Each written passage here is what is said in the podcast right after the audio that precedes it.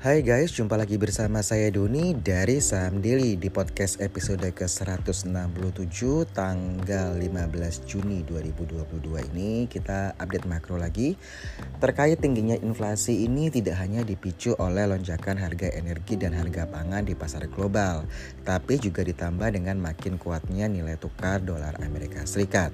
Tadi kalau kita bilang uh, naiknya harga energi itu uh, kita lihat misalkan harga minyak WTI ya 15 Juni 2017 itu di harga 51,82 US dollar per barel sedangkan di tanggal 14 Juni 2022 kemarin itu harga minyak WTI itu di posisi 121,57 US dollar per barel. Jadi dari 51,82 naik hingga 121,57. Sedangkan harga batu bara tanggal 15 Juni 2017 itu di harga 66,45 US dollar per ton. Sedangkan di posisi tanggal 14 Juni 2022 kemarin itu di 318 US dollar per ton. Jadi dari 66,45 US dollar per ton itu naik ke 318 US dollar per ton. Menyambung mengenai dolar tadi di mana indeks dolar Amerika ini menyentuh level 105,08 yang merupakan level tertinggi indeks dolar Amerika selama kurun waktu 20 tahun terakhir yang tentu saja berdampak uh, negatif bagi rupiah yang melemah ke posisi 14.669.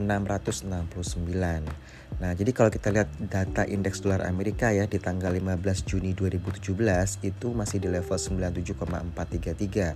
Sedangkan posisi tanggal 14 Juni 2022 itu di di level 105,046. Sedangkan kurs rupiah di tanggal 15 Juni 2017 itu masih di kisaran 13.286 dan posisi kurs rupiah tanggal 14 Juni 2022 kemarin itu di 14.699. Nah, penguatan US dollar ini dipicu kekhawatiran resesi global, apalagi The Fed selaku Bank Sentral Amerika diproyeksikan akan menaikkan suku bunga lebih agresif hingga 75 basis poin di pekan ini. Nah, terkait penguatan nilai tukar US dollar ini, emiten-emiten berbasis ekspor dan berpendapatan dolar menjadi pihak yang diuntungkan, misalkan sektor tambang batu bara. Jadi kalau di batu bara kita lihat aja misalkan Adaro ya.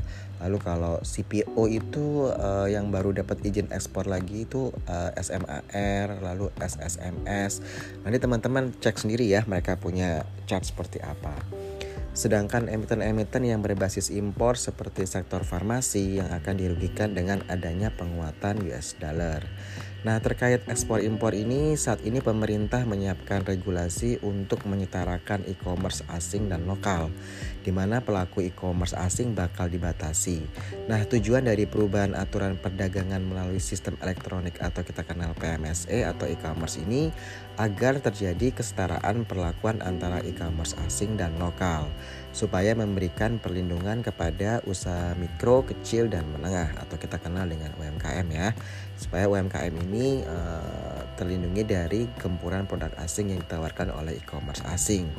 Pemerintah akan membatasi nilai produk luar negeri yang boleh dijual oleh e-commerce asing yang beroperasi di Indonesia, misal dibatasi dengan nilai di bawah 100 US dollar per produk. Tapi bagi produk di bawah 100 US dollar yang belum diproduksi di Indonesia, tetap boleh dijual oleh e-commerce asing tapi dengan syarat produk tersebut diimpor oleh importer umum yang ada di dalam negeri ya. Jadi bukan uh, diimpor oleh e-commerce asing tersebut. Nah, soal e-commerce yang lagi hits ini ter terkait kabar bahwa Shopee Indonesia akan mengurangi jumlah karyawannya. Namun belum ada konfirmasi resmi ya dari Shopee Indonesia itu sendiri. Di bursa sendiri kalau ngomongin Shopee kita ingatnya Goto karena Goto listing di Indonesia ya di bursa uh, efek Indonesia. Di mana Goto ini menduduki posisi ketiga sebagai emiten dengan bobot dan kapitalisasi pasar di bursa. Saat ini Goto bobotnya itu 10,88% dengan market cap yang cukup besar yaitu 459 1,53 triliun. Nah, tentu ini membuat pengaruh Goto pada pergerakan indeks saham uh, IHSG kita cukup besar ya. Oke, sekian update dari kami. Uh, kami ingatkan lagi bahwa ini sekedar memberikan informasi bukan untuk pom-pom saham-saham tertentu. Jadi keputusan membeli dan menjual itu tergantung dari masing-masing trader dan investor. Oke, saya Doni dari Saham Daily out.